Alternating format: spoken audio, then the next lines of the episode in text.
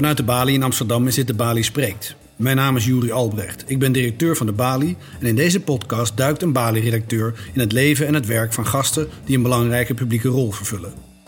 Wat drijft onze gast in zijn of haar werk? Waar probeert zij invloed uit te oefenen en hoe kijkt zij naar het huidige publieke debat? Vandaag spreekt programmamaker Tim Wagemakers met voormalig MMA-vechter en drievoudig wereldkampioen Marloes Koenen. Op 28 februari aanstaande organiseert ze als lid van de Sportraad samen met de Bali de avond Hoge Pressie. Leid plezier onder prestatie. Als professioneel vechter weet ze hoe je met druk moet omgaan. Maar tegelijkertijd maakt ze zich echt zorgen om wat we soms vragen van jonge kinderen. Een gesprek over haar carrière, de balans tussen presteren en plezier en haar feministische agenda. Tim Wagemakers in gesprek met Marloes Koenen. Marloes, welkom. Dankjewel. Hoe is het met je? Goed, ja. Uh, niet uitgerust, maar dat krijg je als uh, pasbakken moeder. Ja. En uh, voor de rest gaat alles heel erg lekker. En ja, ik ben blij wat we op 28 februari gaan doen, maar daar gaan we het straks over ja. hebben. Ja, want, want waar, waar ben je nu druk mee? Uh, ik heb een gym in Amsterdam, Ja. R-Grip, uh, MMA-gym. Maar dat doen we meer dan alleen MMA. Dus we hebben de sport losgekoppeld. En uh, dus we hebben ook boxcardio, we hebben worstelen, we hebben grondtrainingen, kracht en conditie. Maar ik vind het belangrijk dat mensen leven lang fit zijn. Dus we hebben ook superhelden training voor kinderen van drie tot vijf en van zes is een tot soort acht. apenkooi met kinderen is dat toch? Maar dan Ja, ondertussen is- leren ze Ja, ja. eh, zeg maar de, gevecht- de- gevechtstechnieken. Nee, totaal niet. Nee, nee, nee. We willen gewoon een breed bewegingsfundament Ja. leggen bij die kindjes. En kinderen moeten gewoon spelen. En die moeten helemaal niet dat ze aan het trainen zijn. trainen Dus ja. eh Roemer maakt dan altijd verschillende veldjes. Roemer is jouw partner, toch? En, en, Ja. en ook eigenaar van de gym met jou. Ja, ja. En ehm, dan, eh, dan, dat zijn verschillende veldjes waarbij bijvoorbeeld op coördinatie wordt getraind, op balans, op eh, lenigheid, op snelheid, dat soort dingen. Wat die er ook in verwerkt zijn, zeg maar semi-gevaarlijke dingen. Zodat die kinderen vertrouwen krijgen in zichzelf. Dus dan is het is altijd heel veilig hoor. Voor zo'n kind is dat best Ja, ja. spannend. Eh dan zit je bijvoorbeeld een ladder tegen de muur aan. Dan mogen ze op die ladder klimmen. En dan via de ladder mogen ze, staat dan een hele, heel groot, ehm, ja, moet ik zeggen, wandkussen, zeg maar. Dan mogen ze dan op klimmen. En dan, dan tilt hij ze weer naar beneden. Sommigen willen dan springen. Nou, dat soort dingen zitten er ook in Ja. verweven. Ze zijn echt de superhelden. Soms komen ze ook verkleed. Nou, bijna iedere les, zeg maar. Verkleed als Superman ja, of ja, eh, Mega Wonder Woman. eh, en, Mega eh, Mindy. ook meisjes. Veel in- megamindies? Nou, maar ook heel veel meisjes in Spider-Man pak. Dus ja. Spider-vrouw pak. Zeggen dat Spider-Woman. Ja, ja, ja. Geweldig. Nou, we gaan het zo meteen daar nog wel verder over hebben... hoe belangrijk sport is voor eh, jeugd. En dat is iets waar jij heel erg mee bezig bent. We gaan het hebben over de Hot Game, het programma... op, op 28 februari, dat wij de Bali samen met de Sportraad maken. Ehm, maar we gaan het ook een klein beetje over jouw carrière maken... want het thema waar we het over hebben in die Hot Game is... prestatiedruk, plezier... en hoe je dat een beetje in balans houdt als je sport. Ehm, jij vocht je laatste wedstrijd in maart 2017. Ja. Blik je er nog wel eens op terug? Nee. Nee, ik ben iemand... eh, Heel nee. kort antwoord, Ja, nee. volgende vraag. nee, nee, ik ben... Maar ook tijdens mijn carrière kijk ik nooit naar mijn partijen. Eh, ik ben iemand, als het voorbij is... Ik kijk, kijk wat, wat is er weer voor me? Dus als ik bijvoorbeeld een titel had gewonnen, ah, leuk. En, eh, en die belt die, die, die... Bij de meeste vechters, dan hebben die echt op... ja, pontificaal staan die ergens of liggen die ergens Ja. in een woonkamer. Bij mij lag het boven op een kledingkast. Dus ik, dat zegt wel genoeg over... eh, wat voor waarde dat voor mij had. Voor mij was het gewoon, oké, ik heb iets bereikt... en nu gaan we naar een next level. Ja. En, eh, en altijd mee bezig zijn met de volgende stap, het volgende doel, continu. Ja. En, en dat, dat is ook wel een stukje druk, denk ik. Maar tegelijkertijd heb je wel eh, nou ja, gereflecteerd op je... Ik bedoel, je hebt een boek geschreven, Kracht, over levenslessen uit de kooi. Je hebt een film gemaakt, The Last Fight, eigenlijk in de aanloop naar dat laatste gevecht. Ehm, is het daarmee dan ook voor jou afgerond? Heb je daarmee een soort closure ook van je carrière gemaakt? Ja, het is, eigenlijk was ik al heel erg lang klaar met mijn carrière. Alleen. Nog eh, voor dat laatste gevecht? Ja, ja, ja. Ik, eh, ik, rond, ik weet nooit of ik nou 20 of 21 was, maar toen heb ik Fiverr gekregen. En eh, naast de Fiverr kreeg ik ook last van contracties, zeg maar, epileptisch aandoenende aanvallen. En die waren echt heftig. In de film zie je het een heel klein beetje. Ja. Zegt iedereen, oh wat heftig. Zeg ik, heftig? Man, dat was echt 2 tot 5 procent Ja. van wat het je weet de werkelijk helft was. Ja. Ja, en, ehm, maar dat wist ik niet. En de, de, de huisarts zei van, nou, je bent lichte vorm van Fiverr. Nou, dan ben ik nog wel zo'n idioot. Die denkt, oh, lichte vorm, dat betekent dat ik volgende maand weer kan trainen. En volgende maand weer naar school kan en kan gaan studeren. En ehm, dus op dat moment ehm, ben ik, heb ik die Fiverr niet goed uitgeziekt. Daarnaast had ik dus die, die aanvallen.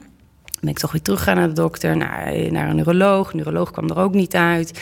En die man die heeft toen tegen mij gezegd: van, ja, Ik weet niet wat je hebt. Misschien heb je al Gilles Latourette, durf het niet op te nemen in het, uh, in het document of in je dossier. Uh, maar je kan ook een, met je reis, dus het kan ook zijn dat je een parasiete hebt. Ja. Of een, anyway, dus hij heeft bij mij een zaadje geplant dat ik ziek was. Dus ik ben, niemand wist dat, want ik was altijd super moe. Iedere dag werd ik misselijk wakker, hoofdpijn, Ja. uitgeput, noem maar op. Ehm, en ondertussen trainde ik met, de zwaar, eh, met mannen in de zwaarste sport ter wereld zo'n beetje. Eh, en ik, mijn tegenstanders konden niet weten ehm, dat ik ziek was. Want dan gingen ze, als ze wisten dat ik moe was, gingen ze natuurlijk het gelijk tot de derde of Ja, en, vijfde en, ronde. en, en vechten is ook psychologie vooraf, Ja. met elkaar bezig zijn. Ja, ja, dus ja. dat wil je dan ook niet. Nee, dus ik, ik was altijd met een pokerface. Eh, stond ik in die kooi. Maar ik, soms was ik aan het overgeven voordat ik de, de ringen of kooi in moest. Eh, ik, was altijd, ik was nooit bang voor de klap of de pijn. Ik was altijd bang dat ik het energetisch zeg maar niet vol zou houden. En, eh, en ik dacht gewoon, ik moet een pilletje hebben. Dus ik, kan- ik kan wel doorgaan. Dat is, hè, dus zodra ik dat pilletje heb, ben ik weer beter. En, nou, en die druk, eh, dat was zeg maar nog weer bovenop die topsportcarrière. In Ja. een periode waarin nu begint MMA populair te worden. We hebben het op Veronica, we hebben het op Spike, nou, et cetera. Eh, maar toen ik begon, toen, nou ja, dus ik zeg altijd, dus toen bestond het internet praktisch nog niet. Ik heb nog geleerd www. Oh nee, eh, hashtag. eh, Nee, eh, http dubbele punt. Slash, ja, slash. Ja, ja, Ja. dat gedoe. Dat heb ik gewoon nog op school geleerd. Dus uit die periode kom ik. En eh, nu kun je helemaal, eh, je gaat op YouTube en alle technieken die staan. er. Nou, dat was niet zo. Toen ik begon met vechten, waren er nog open weight eh, categories. Je moest drie keer op een avond vechten. Dus ik kom uit de hele... Open weight was iedereen mag meedoen. Ja, ja, ja. Ja. Dus, dus, eh, Want nu heb je gewichtsklasses natuurlijk Ja. en toen had je dat niet. ja, dus Ja. toen ik kamp, ik was 19, en gewoon op puur was ik erop aan, aan terug en denk ik, oh, oh my god. Toen ben ik naar Japan gegaan en toen kwam ik aan, toen bleek dat het op kooiregels was, dus met kopstoot en ellebogen, dat mocht toen allemaal nog. Toen dacht ik, oké, dat was me niet verteld. Nou ja, ik ben nu, nu moet maar. Ja. En toen werd ik binnen twee weken weer teruggevraagd en dat was het eerste. ehm, eh, Want, want, want, want hoe, hoe, hoeveel woog jij dan? En, en tegen wat voor meisjes volgens jou? Eh, nou, die, die eerste was, dus, nou, die was zeg maar wel van mijn gewicht. Maar toen ik, toen ik weer binnen twee weken terug werd gevraagd... toen was ik eh invallen voor dat eerste wereldtiteltoernooi voor vrouwen. En dat was gewoon vrouwen uit de hele wereld. En het maakte niet uit hoeveel je woog. Dus de zwaarste was 150 kilo. Zo. En de lichtste was, ik gok, nou, 47, 48 kilo. En ik was Zo. rond de 70 kilo. Ja, nogal En- een verschil. Ja, ja, ja, ja, dat was, ja, ja. Ja. En één, je moest drie keer per avond vechten. Dat, dat gebeurt nu echt niet Nee, meer. nee. Dus ja, ik kom wel echt uit de periode. En, en de trainingsmethodieken, nou, die waren er nou niet bepaald Nee. naar. Nu heb je kracht- en conditietrainers, je, je hebt je nutritionist, et cetera. Dus ik kom uit de periode waar de, de, de, de methodieken er nog niet waren. Waarin de sport zich nog aan het ontwikkelen was. Waarin ik ook nog een keer ziek werd. En ik niet wist wat er met me aan de hand was. Dus het is best heel heftig geweest. En ik wist ook waar de sport naartoe ging. De UFC is twee jaar geleden voor 4 miljard verkocht. Ja. En ik, ja, ik had een bepaalde visie op vechten en op waar MMA naartoe zou gaan. En ik wist gewoon, als ik maar lang genoeg blijf, dan misschien maak ik nog een keer die klapper. En, ja, eh, want ondertussen ben je wel drie keer eh, wereldkampioen geworden, Ja. mixed martial arts. Eh, maar eigenlijk als je het vertelt, dan vanaf je twintigste, ja, je werd misselijk wakker. Ja. Ik bedoel, waar haal je dan het plezier vandaan om toch nog... Ja, je nee. hebt tot je s- 35ste gevochten, 34ste? Ja, ja, ik- 36, 36ste 35, ja, gevochten. Nou, dan heb je ja. nog 16 jaar gevochten. Ja, ja, ja, waar, nee, maar- waar haal je dan het plezier vandaan? Nou, dat is de grap. De plezier is altijd mijn drijver geweest. Dus ehm, MMA is zo'n mooie sport. Als je er niks van af weet, dan zie je alleen maar eh, agressieve mensen. De kooi, dat vinden mensen, dat is een psychologisch ding, vinden ze eng. Alleen als je beseft dat het alle vechtsporten in één zijn... en alleen boksen is al zo'n moeilijke sport. En het worstelen, in Nederland weten we niks van worstelen. Maar als je een beetje naar Amerika kijkt en je ziet die trainingsmethodiek en de mentaliteit die worstelaars hebben. En het, het creatief denken, het sneller moeten koppelen. eh, De, en dan hebben we nog een keer bijvoorbeeld BE, Braziliaans Jiu-Jitsu. Dat is ook alleen al een art eh, op zich. Nou, voeg dat samen, dan creëer je een synergie. Nou, dan heb je gewoon de mooiste sport die er is. En dat tot op de dag van vandaag heb ik zoveel liefde. Ik zou altijd MMA blijven doen. Ik Ja. wil die harde klappen niet meer op mijn hoofd. Dat, dat, dat is, ik heb genoeg hersenschuddingen gehad, zeg maar. Maar eh, de sport kun je op zoveel niveaus beoefenen. Dat, dat, dat, dat kan je Ja. ook als je 60 bent, kun je prima nog een MMA doen hoor. Nou ja, het, het, het is nu, na je carrière ben je nog steeds heel actief. Je zit in de Sportraad Amsterdam. Ehm, je hebt onder meer ook eh, meegeholpen aan het oprichten van de vechtsportautoriteit. Die eh, het, het, het kickboksen eigenlijk hè, zorgde dat daar wat meer controle over kwam. Ja. Ehm, we gaan op 28 februari een programma maken dat heet de Hot Game. ehm, waarin we het gaan hebben over die, die, die spanning tussen plezier en prestatie. Waarom, waarom vind jij dat belangrijk om het daarover te hebben?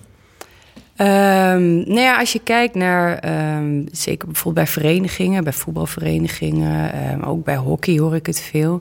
Uh, ouders die uh, willen nog wel eens leven via hun kinderen. En wat ik vanuit mijn carrière heb meegenomen, en ook vanuit mijn opvoeding. Mijn ouders hebben, wat ik altijd zeg, drie ongeleide projectielen. Mijn broer is kunstenaar, nou, ik ging de kooi en mijn andere broer die, die zit uh, wereldwijd in de ICT heel hoog. Maar wij zijn altijd heel erg vrijgehouden. En mijn ouders gaven zelf het goede voorbeeld. Ja. Ze werd niet verteld, je moet naar het VWO. Je, ja, je doet je best, maar zij hadden een kader. En binnen dat kader moest je wel blijven. En daarin kon je jezelf ontwikkelen. En ik denk dat kinderen zo moeten worden opgevoed. Uh, als je wilt, en ik wilde, dan kom je er wel. Dan is druk niet erg. Nee, dan, dan, dan, ik, ben ook, ik hou ervan. Ik zoek ook druk op. Ik, ik, ik, dacht ook als ik stop met vechten, godsamme, dat wordt echt dat wordt, dat wordt een beproeving. Hoe moet ik dan nu nog doelen hebben? En, die, en het gevoel van als je zo'n kooi instapt, dat is zo heftig, maar ook zo mooi. Ja. Dat ga ik nooit meer vinden. Het is zo puur, zo kwetsbaar, alles zit daarin. En, um, en dat zoek je vanzelf op. Ik denk dat als je, je, je moet een kind wel begeleiden. Um, ik spreek nu ja, ja, ja. titel, hè, want we, vanuit de sportraad gaan we dat onderzoeken. En daarom organiseren we de avond ook. We willen vooral dat mensen komen en, en, en deelnemen. Um, maar er zit iets in je en ik denk dat je dat moet voeden als ouder. En dan komt het er wel uit. En welke kant dat op gaat, maakt niet uit. Of ze topsporter worden, dan worden ze topsporter. En als ze gewoon lekker tegen een balletje aan staan slaan... en ze willen daarna met vriendinnetjes spelen of vriendjes... is het toch ook goed? Maar het is natuurlijk een super dun lijntje. Want ik, ik, ik, ik heb de film over jou ook gezien, The Last Fight... En dan, en dan zie ik jou staan vlak voor een wedstrijd. Nou ja, ik ken je ondertussen een klein mhm. beetje. Ik zie niet die blik in jouw ogen, normaal gesproken, die jij hebt tien minuten voor een wedstrijd. Dat is, dat is totale focus. En, en, en misschien ook wel alle druk die je op je laat, ik, of wat dat dan ook is. En het is natuurlijk heel moeilijk voor een buitenwacht om in te schatten of iemand druk aan kan of niet. Toch? Of iemand bezwijkt, of daar juist het, beter van wordt. Kijk, als je een spier traint, wordt die spier sterker. Dus als je. Uh, hetzelfde geldt voor druk. Je begint niet. Het niveau waarop ik begon met vechten. Ik begon met. Uh, met BJ, met Braziliaanse Jiu-Jitsu. Nou, dat was gewoon in de sportschool. Nou, man, dat was ik al, had een ja. wedstrijdje. Zo kwam iemand vanuit Helmond. Poeh, dat was ik zenuwachtig hoor. En dat is uiteindelijk naar de kooi in Amerika en in Japan gegaan. Dus dat, dat bouw je langzaam op. Het gaat, dit, dit, is mijn persoonlijke visie. Mm -hmm. Begeleid mensen. Uh, geef ze ook vertrouwen. Wat ik ook wel in mijn omgeving heb gehad... was dat mensen bang waren dat ik hen voorbij ging. En dan probeerden ze me klein te houden. Um, dus ik denk, je moet juist iemand uh, laten groeien en vertrouwen geven... zodat ze ook... Hè, want ik ben, ben nogal feminist. dus, en dat ben ik ook door de, door de kooi, zeg maar, geworden. Um, als vrouw groei je op. En uh, je krijgt allemaal cues. Een man net zo goed hoor. En we worden allebei, worden, wat ik al zeg, een bepaalde do opge, uh, ja, gedrongen eigenlijk. Mijn vader was voetbaltrainer, broers gingen voetballen. Ik speelde tennis en volleybal. Dus op jonge leeftijd leerde ik al van ik ben een vrouw en als vrouw voetbal je blijkbaar niet. Hè? Ja. Toen waren er nog geen voetbalteams. En zo krijg je gedurende je leven krijg je allemaal cues. Als vrouw moet je uh, mooi zijn, lief, uh, niet confronterend. En toen stond ik ineens... Zeker niet een kooi instappen. Nee, en, en wat denk je van dat, van dat alfa-bewegingspatroon? Dat, dat hè, stoten, beuken, dat hoort niet bij vrouwen. Je moet gaan lekker ballet of ga lekker tegen een balletje, lekker tennissen. Ja. En toen stond ik als 19-jarige stond ik dus in Japan. En uh, ik won die wedstrijd best snel en hard voor de rest ga ik me even die uitweiden. En, uh, er zijn, zijn, geen beelden van, denk ik. Nee. ik heb één keer in... Uh, ik heb die, oude, die, tegenstander heb ik nog een keer... heb ik haar opgezocht in Kyoto. En uh, toen bleek dat zij wel de, de footage had. En nou, ik ben blij dat het niet online staat. nou, ga door met je punt. Dus, ja, ja. Maar anyway, daarna moest ik... Um, interviews geven. En Japanners in, in Nederland, dan zitten we zo aan die koois nog een beetje blaren en roepen. In Japan, in Japan maken ze ook echt notities. Ze maken ze intellectuele bezigheid ervan. Het is ook super stil, super respectvol. Uh, daarna moet je met uh, journalisten praten. Mensen willen met je op de foto. Je bent 19, dus dat is een hele heftige ervaring. Maar je krijgt ook de boodschap mee ik heb iets gedaan waarin Nederland, uh, wij waren het schuim der aarde. Hè? Daar zijn we nog steeds op tot op, de, op zekere hoogte. En diezelfde Marloes, Die werd in Japan in een andere omgeving geplaatst, deed precies hetzelfde en er kwam een andere reactie op. En heel langzaam ben ik daardoor bepaalde denkbeelden gaan vormen. Ja, je, bedoelt in Nederland was jij het schuim der aarde dat je de kooi in ging Ja. vechten. Of ze namen me niet serieus, Ja, precies. want en daar kreeg je een heel andere reactie erop. Ja. En dan, of, eh, ze namen me niet serieus als vrouw. Heb ik ook heel vaak gehad hoor. Dat ze dan via vierde hoorden dat ik dan vocht. En van, was het van, ah ja, maar jij. eh. En dan gingen ze me googlen. En dan was het ineens, oh, het is supervrouw. Maar dus ik werd nooit als een normaal. Ik ben een hele normale vrouw. Maar zo werd ik nooit gezien. Ja. Dus zo leer je allemaal dingen. En, ehm, en je leert ook heel erg eh, dat je veel meer kan dan je denkt. En dat is de boodschap die ik aan iedereen mee wil geven. En met name aan vrouwen. Omdat bij vrouwen vind ik, ja, die worden toch echt wel op een bepaalde manier gekneveld. Mannen net zo goed. Op een hele andere manier. Ik vind dat mannen emotioneel nogal gekneveld worden. Ja. Ehm, maar ja, dit is wat ik zelf heb meegemaakt. Dus vanuit die Ja. ervaring spreek ik. En dan kom je er ook achter dus dat je met heel veel druk om kan gaan. En dat je zoveel sterker bent Want je kan je wapenen, bedoel je? nou, nee, maar dat je gewoon... Ik, kan, ik kon het blijkbaar aan om te zeggen... nou, we hebben eh, over twee maanden hebben we punten op de horizon. Dan ga ik de kooi in Amerika in. Ik ga daar voor een wereldtitel vechten. Ik weet dat ik heel veel pers moet doen. Ik moet ook twee maanden lang in trainingskamp. Zwaar dieet, Ja, dat was ja, echt ja, niet leuk. Dan trainingsweek kan ik nog even al het vocht eruit halen. Kan ik nog meer interviews gaan doen. Ik mag, soms mag ik twee dagen niet eten. Nou, dat soort dingen allemaal. Ik, ik ben gaandeweg ben ik er zo achter gekomen hoeveel sterker ik ben dan, Ja. mij, dan, dan ik eh, geleerd had. En eh, of het nou direct of indirect was, hè, vrouwelijke rolmodellen die, die ik miste en dat soort dingen. Ehm, en dat heeft de sport mij allemaal gebracht. Ja. En ik weet niet of tennis me dat had gebracht. Doet er eigenlijk ook niet toe. Dit was mijn weg. En, ehm, en zo heb ik ook steeds meer om leren gaan met de druk. En, eh, en dan ben jij, ben jij natuurlijk een, een, een uitzondering in de zin dat jij de top hebt gehaald. En dat er een hele grote groep is die in de breedte sport zit. Ik bedoel, ik herinner me, ik heb vroeger gevoetbald ook wel dat, eh, dat er een paar vaders langs de lijn stonden. En dan was het op zaterdagmiddag best gezellig. Maar dan riepen die dat, eh, dat, dat, dat, eh, dat Paul eruit moest omdat hij een bal verkeerd raakte. Ja, en het echt? kampioenschap moest wel gewonnen worden, weet je wel. Dat is dan de, de D2 van FC Zoetermeer, bij wijze van spreken. Ehm, op 28 februari hebben we dat event. Dus dat wordt zeker niet alleen maar ehm, eh, eh, serieuze eh, bespiegelingen over wat druk met je doet. Het wordt ook, tenminste, jij roept altijd: het moet een hysterische avond worden. Ja. Kun je iets vertellen over wat je hoopt? Want jij zit in die sportraad, jij wil iets in beweging krijgen. En juist ook met die hot game, over hoe we over plezier en druk praten, vind jij volgens mij dat, dat je ook op een leuke manier juist dit soort thema's, die nogal bepalend kunnen zijn voor kinderen, voor de omgeving, dat, dat je dat op een goede manier moet bespreken. Eh, hoe, hoe, Ja, hoe, nou, hoe gaat die avond zijn? Nou, die avond, Waar hoop je op? Nou, nou, dat wordt sowieso een hysterische bende, daar hou ik van. Maar het wordt heel veelzijdig aangevlogen. En eh, dat vind ik belangrijk, omdat ehm, we willen vooral... Wat we met de sportraad doen, is dat we heel erg veel gevraagd en ongevraagd adviseren. En daar wordt heel veel mee gedaan. Op de achtergrond doen we heel veel. Maar voordat ik bij de sportraad kwam, alweer x aantal jaar geleden... had ik er nog nooit van gehoord. En dat vind ik best kwalijk. Ik Ja. vind dat wij gewoon bekender moeten worden. Dat we naar de mensen toe moeten gaan. En er zitten echt, er zitten echt badasses in de sportraad hoor. Die een mega netwerk hebben. Maar ik vind ook dat de mensen die eh, wellicht niet in ons netwerk zitten... dat die zich ook moeten kunnen bemoeien met de sport in Amsterdam. En we zijn een onafhankelijk orgaan. Ehm, en ik zoek juist heel erg dat contact eh, Ja. met die mensen. En ik denk vaak, als ik heel eerlijk ben... als er sportgerelateerde dingen zijn, val ik vaak in slaap. Ik denk, alsjeblieft, ik kan het nog saaien. En dan heb je van die, van die suffe sporters. Oh ja, maar... Dan denk ik, nou, kom op, het mag wel even wat leuker. Dus deze avond is ingestoken... waarbij we het echt wel op een serieuze manier eh, benaderen. Ehm, dus we hebben ook de wetenschap. Die, die, die, de wetenschap, eh wetenraad Ja. hebben we er bijvoorbeeld Marianne in. Olvers komt Ja. bijvoorbeeld. Ja, Ja. dat is een zware fan van Marianne. Ze is zo leuk. En, ehm, maar we hebben ook altijd eh, schrijvers nodigen we uit. Dus, eh, maar we hebben ook altijd, eh, wat ik noem dan entertainment. Dus we hebben nu een stukje dans. Maar, en de, de, de opening is altijd, dat moeten mensen een beetje op het verkeerde... Ik mag nog niet te veel zeggen, maar ik heb, ik, ik heb nu ontzettend veel zin in de opening. Ja. ja. Dus we willen mensen altijd een beetje op het verkeerde been zetten... zodat je gewoon ontspannen kan luisteren... en dat je een leuke avond hebt. Want ik denk dat je dan meer open staat voor de boodschap... in plaats van dat wij heel staccaat gaan zeggen... nou, we hebben nu dit, die... en iedereen gaat ontzettend zijn mening geven. Dit is een avond waarop we juist met elkaar in gesprek gaan... en blijf ook vooral nog even Ja. hangen. eh, neem een drankje en, en geef ons je mening. Ja. En hoe luister jij ernaar? Want ik, ik, ik hoop dat veel mensen uit de sportwereld komen. Maar tegelijkertijd hoop ik ook dat er veel mensen komen die benieuwd zijn wat de sportwereld te zeggen heeft Ja. over. Want als je het hebt over druk, ik bedoel, de, de stukken, de, de kranten staan vol met stukken van eh burn-outs bij, eh, 25-jarigen die, die hun ambities tot de hemel reiken, et cetera. Is er iets waarvan jij denkt dat kan de sportwereld toevoegen aan gewoon het algemene gesprek over druk in de maatschappij. Ja, nee, 100 procent. En ik spreek, kijk, mijn expertise is, is martial arts. Dus ik spreek heel erg zelf vanuit de martial arts. Maar als ik iets wel heb geleerd, is het. Ik vind ook dat we ontzettend contactarme maatschappij aan het worden zijn. En met heel veel eenzaamheid is er.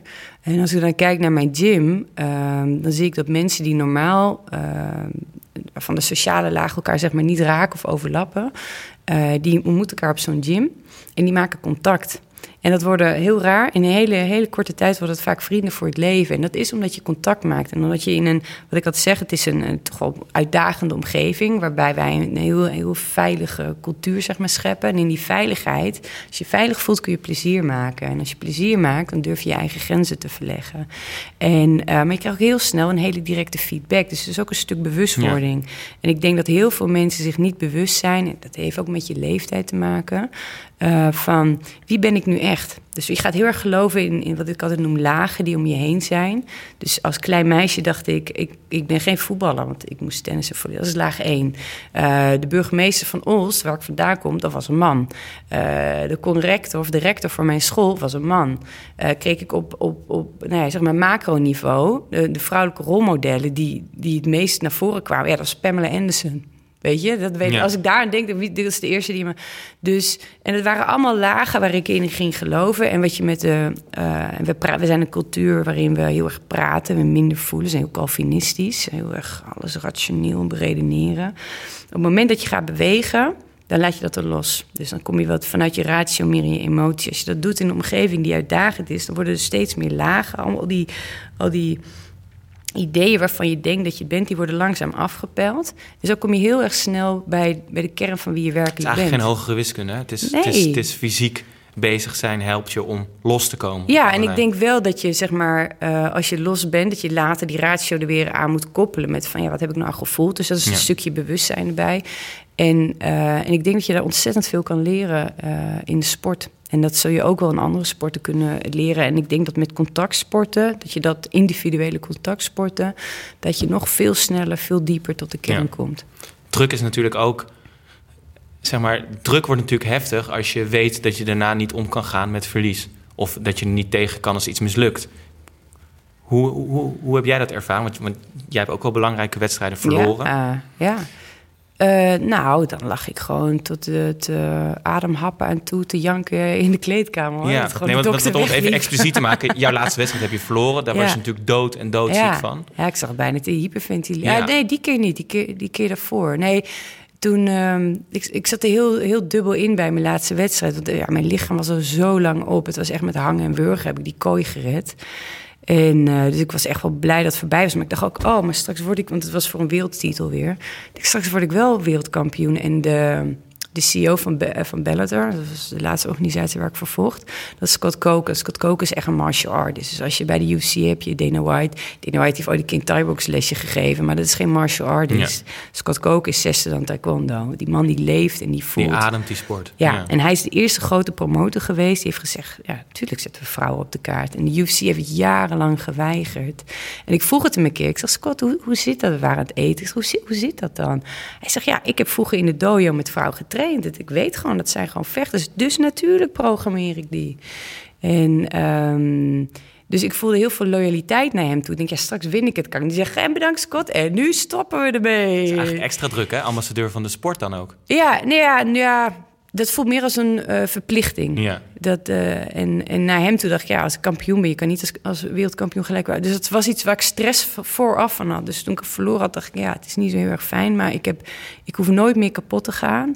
Um, ik hoef nooit meer. Ik was het hele jaar door bezig met mijn sport. Het he- ook al had ik geen wedstrijd. Ik zat altijd naar het volgende bericht toe te werken dat ik eventueel zou kunnen. Dus ik had nooit rust in mijn hoofd. Daar heb ik in mijn boek ook over. Ja. Je kan rust nemen, je kan rust nemen. En uh, dat voelde mij uh, als een bevrijding. Ik heb tot op de dag van vandaag, als ik naar een wedstrijd kijk. Rom en ik zitten mijn partner en ik zit allebei altijd helemaal gespannen te kijken. Want je gaat half meevechten. Maar het is in het begin van de wedstrijd dat ik altijd denk En dan denk ik, oh nee, nee dat hoef ik meer. nooit meer. En Ja. die bevrijding, nou, dat geeft aan hoe klaar ik was met, eh, met Ja. het hoge niveau. En er kwam natuurlijk ook iets moois in de plaats. Je Ja. moeder geworden. Ja, ja, Ja. dat was echt. eh, ja, dat ging veel sneller dan verwacht. Ik, ik, ik dacht, oh, ik word nooit moeder omdat ik mijn lichaam zo veel aan heb gedaan. Eh, of het duurt minimaal anderhalf jaar in IVF en zo. Nou, dat, Ja. dat was een ander geval. Ja, ja, ja. En nu? Want ehm, eh, je, bent ontzettend actief. Je doet voor de sportraad, je hebt je eigen gym. ja. Ehm, maar goed, het gevoel van... eh, ja, je vertelt ook wel aardig net hoe, hoe klaar je ermee was, zeg maar, hoe mooi het was geweest. Maar dat gevoel krijg je natuurlijk nooit meer op die manier terug. Ik, ik, ik bedoel, eh, voetballers die stoppen met voetballen en trainer worden... zeggen altijd, ja, uiteindelijk was het mooiste toch op dat veld staan. Nee. Dat zou jij ongetwijfeld ook hebben, dat uiteindelijk het mooiste toch die kooi was. Hoe, ehm, hoe neem jij de komende jaren... Denk je er wel eens over na? Van, want ik bedoel, je, je bent 6, 37. Eh, dat, dat is nog hartstikke jong. Je hebt nog je hele leven voor je. Ja. Toch? Als je, als je ja, 16 nee, bent, dan vraag ik- je wat, wat wil je laten worden als je groot bent? Wat, wat, wat wil jij laten worden nu je Nou, ik- tijd hebt om los te komen van het kickboksen? Of, of, of van de mixed martial arts? Ja, nee, ehm, dat, ik, ik had een bepaalde planning in mijn hoofd. Ik stop met vechten, ga ik dit, dit en dit doen. Die planning is dus compleet omvergegooid door, door mijn dochtertje Ava. Ja. Ik heb het ook compleet onderschat. Want iedereen zegt altijd dat topsporters zo druk hebben. En als, als je topsporter bent, denk je, nou, ik heb het echt druk. Ik ben zo ontzettend druk. Mijn leven is zo belangrijk. Nou, krijg maar eens een keer een kind. Ja. En echt, ik weet niet hoe ouders met twee, drie kinderen dat doen. Maar echt, ik, ik zit gewoon... Sommige moeders zeggen echt van... Nou, ik buig even voor jou, want jij hebt drie kinderen. Alsjeblieft, hé. Ja. Eh, Kind, echt, Over topsporters topsport is makkelijk. Ja. Echt waar. Dat, dat zijn gewoon luie donders in verhouding tot ouders... die en een baan hebben, en drie kinderen... en een sociaal leven. Dus da- los daarvan. Eh, nee, ik ben nu uit de kooi. En ehm, ik heb dat boek natuurlijk niet voor niks eh, geschreven. Dat was mijn manier om, zeg maar... eh, ik, vind, ik vind kwetsbaarheid een belangrijk thema. Maar ook om op een hele subtiele manier alvast wat dingetjes aan te geven van wat ik wil gaan doen. En ik begin nu vaker te spreken. Ik werk ook voor Spike, eh, dus dat doen ze veel met, met vechtsport ook. Televisiezender, hè? Ja, ja. En, ehm, en, en dat, die, die, dat sprekersgedeelte, dat wil ik verder gaan uitbreiden. En eh, ik organiseer binnen eh, in 8 maart een International Women's Day organiseer ik een evenement. Dus vooral dat, dat, dat, dat, dat emancipatiestukje, dat, eh, en, ik, en ik, ik heb het dan over fysieke emancipatie. Dat is iets wat me wel, ja, wat echt vanuit mijn hart komt. En daar wil Ja. ik me echt verder mee bemoeien. Merk je dat jij deuren kan openen juist omdat je ehm, in, die, in, in de hele emancipatie nog een beetje soms door mensen als atypisch wordt gezien? Je, je komt uit de vechtsport, Ja. dus je zal wel een enorm mannelijke vrouw zijn die, die helemaal niet zich bezighoudt met. eh, eh, merk je dat Ja, dat, dat een voordeel is ook om, om mensen te verrassen? Nou ja, dat heb ik altijd gehad. Want ik, word, ik word altijd ontzettend onderschat. Ze denken dat vechters dom zijn Ja. en dat soort dingen. Dat ze geen twee woorden achter elkaar kunnen zetten. Je hebt kunst- en cultuurwetenschap gestudeerd, toch? Ja, nou, eh, eh, eh, confession, ik was wel een drop-out. Maar ik heb daarna communicatie gedaan. Dat zeg ik er dan altijd weer achteraan. Nee, toen werd ik kampioen. En toen was het kiezen van of blijven studeren of die andere kant op. En ehm, even denken, ik ben even de bende kwijt. Nou ja, het over. Of het helpt om deuren te Oh, openen. ja, dat ja, het ja, juist ja. een beetje. Nou ja, wat ik heel erg merk is... ehm, ik geef soms clinics aan vrouwen. Ik, principieel in mijn gym trainen we gemixt. Want ik vind het gewoon onzin dat, dat je als vrouw eerst apart moet gaan trainen... voordat je met de groep mee mag doen. Ja. Dat zegt iets over dat je als vrouw dan niet goed genoeg zou zijn. Maar ik weet gewoon dat gewoon heel veel vrouwen het heel erg eng vinden. Dus als ik een clinic geef, doe ik het wel. En dan heb ik het ook over mindfulness en over de kracht die in je zit. En dan kijken ze me altijd een beetje glazen gaan. En later komen ze naar me toe. Want wat er gebeurt bij martial arts, als je als, je als je vrouw... en ook als je nog nooit überhaupt aan martial arts hebt gedaan...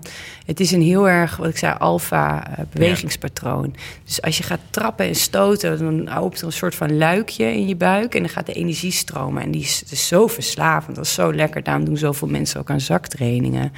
Op het moment dat je ook nog eens een keer contact gaat maken met iemand... dan, dan ga, je, ga je ook in die flow zitten. En nou, zeker als vrouw, als je merkt dat je kan domineren... want als vrouw krijg je continu die cue mee. Je bent een slachtoffer als een man je aanvalt. En Ja. ja, dan verlies je en dit en dit en dit. Dus vrouwen denken heel erg dat ze minder krachtig zijn... dan, ze, dan, dan dat ze werkelijk zijn. En dan zeg ik, ja, ik weet niet, maar als je gaat baren... dan zit er een kracht in jou. Dat komt niet van buiten, hoor. Is een Ja. kracht die in je Ja. zit. Maar heel veel vrouwen heb ik het idee, die vergeten dat daarna. En ik denk als je één keer hebt gebaat, dan weet je hoe sterk je bent. Nou, neem dat de rest van je leven mee. En als ik dan die clinic geef, en ik eindig altijd op een bepaalde manier... En dat bouw ik helemaal op, want anders durven in het begin durven ze dat niet te doen. Maar ik wil ook dat ze gaan schreeuwen en dat ze zich uiten. Omdat hè, vrouwen die praten natuurlijk in. Ik zit nu met mijn benen over elkaar, maar de meeste mannen zitten met hun benen wijd. Zeker als ze in een vliegtuig zitten en ze willen even een stoelruimte claimen. Dat is natuurlijk het eerste wat ik Ja. doe, dat ik ook klats tegenaan ga. En dan win je meestal, denk ik. Ja, tuurlijk hoor. Ja. Ja, dat wordt heel eigenwijs. maar dat is gewoon principe ineens.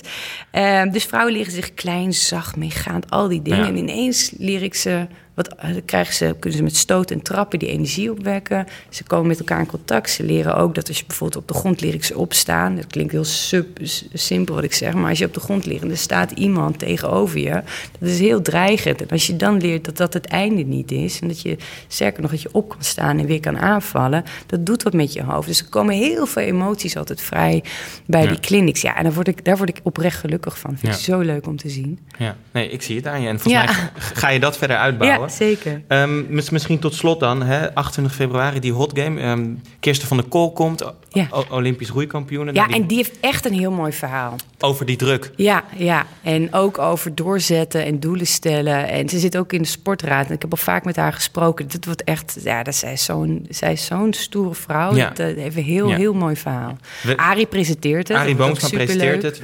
We hebben de wetenschapstafel. We hebben een, een, een verenigingstafel met bestuurders uit de breedte sport... Die, die uitleggen hoe zij dat vormgeven in hun Ja, club... dus en hoe Hans- daarmee om moeten gaan. Hans Lochtenberg zit erin. En dat is Ja. ook een hele interessante spreker. Van vanuit- basketbalclub Apollo. Ja, ja. een hele intelligente man die ook echt wel een hele duidelijke visie op sport heeft. En eh, ik denk ook dat het interessant is om van, vanuit de bestuurdersrol te horen van ja, hoe is dat, hoe, hoe zien jullie dat? Hoe gaan ouders daarmee om? En eh, nou, ik vind het ook wel interessant, want ehm, je hebt ook gewoon eh, clubs in Amsterdam waarbij ze juist voor die toplaag gaan. Ja, en als je afvalt, dan val je af. Vind ik ook wel oké hoor. Dus ik bedoel, het is niet dat ik zeg, we moeten stelletjes softe kinderen gaan opvoeden. Wat ik zeg, op persoonlijke titel nog een keer, is dat ieder kind is, ehm, is op een bepaalde manier gewired. En daarin moeten ze op, Ja. binnen een kader zich kunnen ontwikkelen. En als het een kind is die ze net zo debiel... en mijn, nicht, en mijn nichtje is ook zo. Dat, ja, dus zeg je gaat 10 kilometer rennen desnoods... en die gaat 10 kilometer rennen, niks aan de hand, zo was ik ook.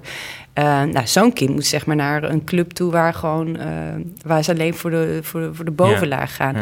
Maar als je een heel, heel zacht kindje hebt... Dat, dat motorisch nog niet zo sterk is... die moet ook gewoon een mooi eh, bewegingsfundament kunnen leggen. Tot slot, ja, we kunnen niet zeggen, hier heb je de camera... maar als je nou iemand moet overtuigen om naar die avond te komen... wat zou je dan zeggen?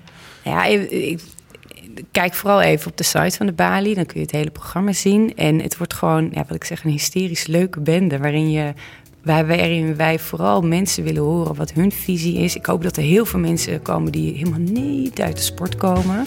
En eh, die hebben misschien een heel, heel andere, eh, een hele andere visie op sport, ook druk en dat soort dingen. En dat wordt gewoon ontzettend leuk, gezellig en veelzijdig. En eh, een mooie avond. En na afloop drinken we allemaal nog een biertje aan de bar. Kijk, een kopje thee. Ja, dat mag ook. Ik vond het heel gezellig om met je te praten. Dankjewel. Jij ook bedankt.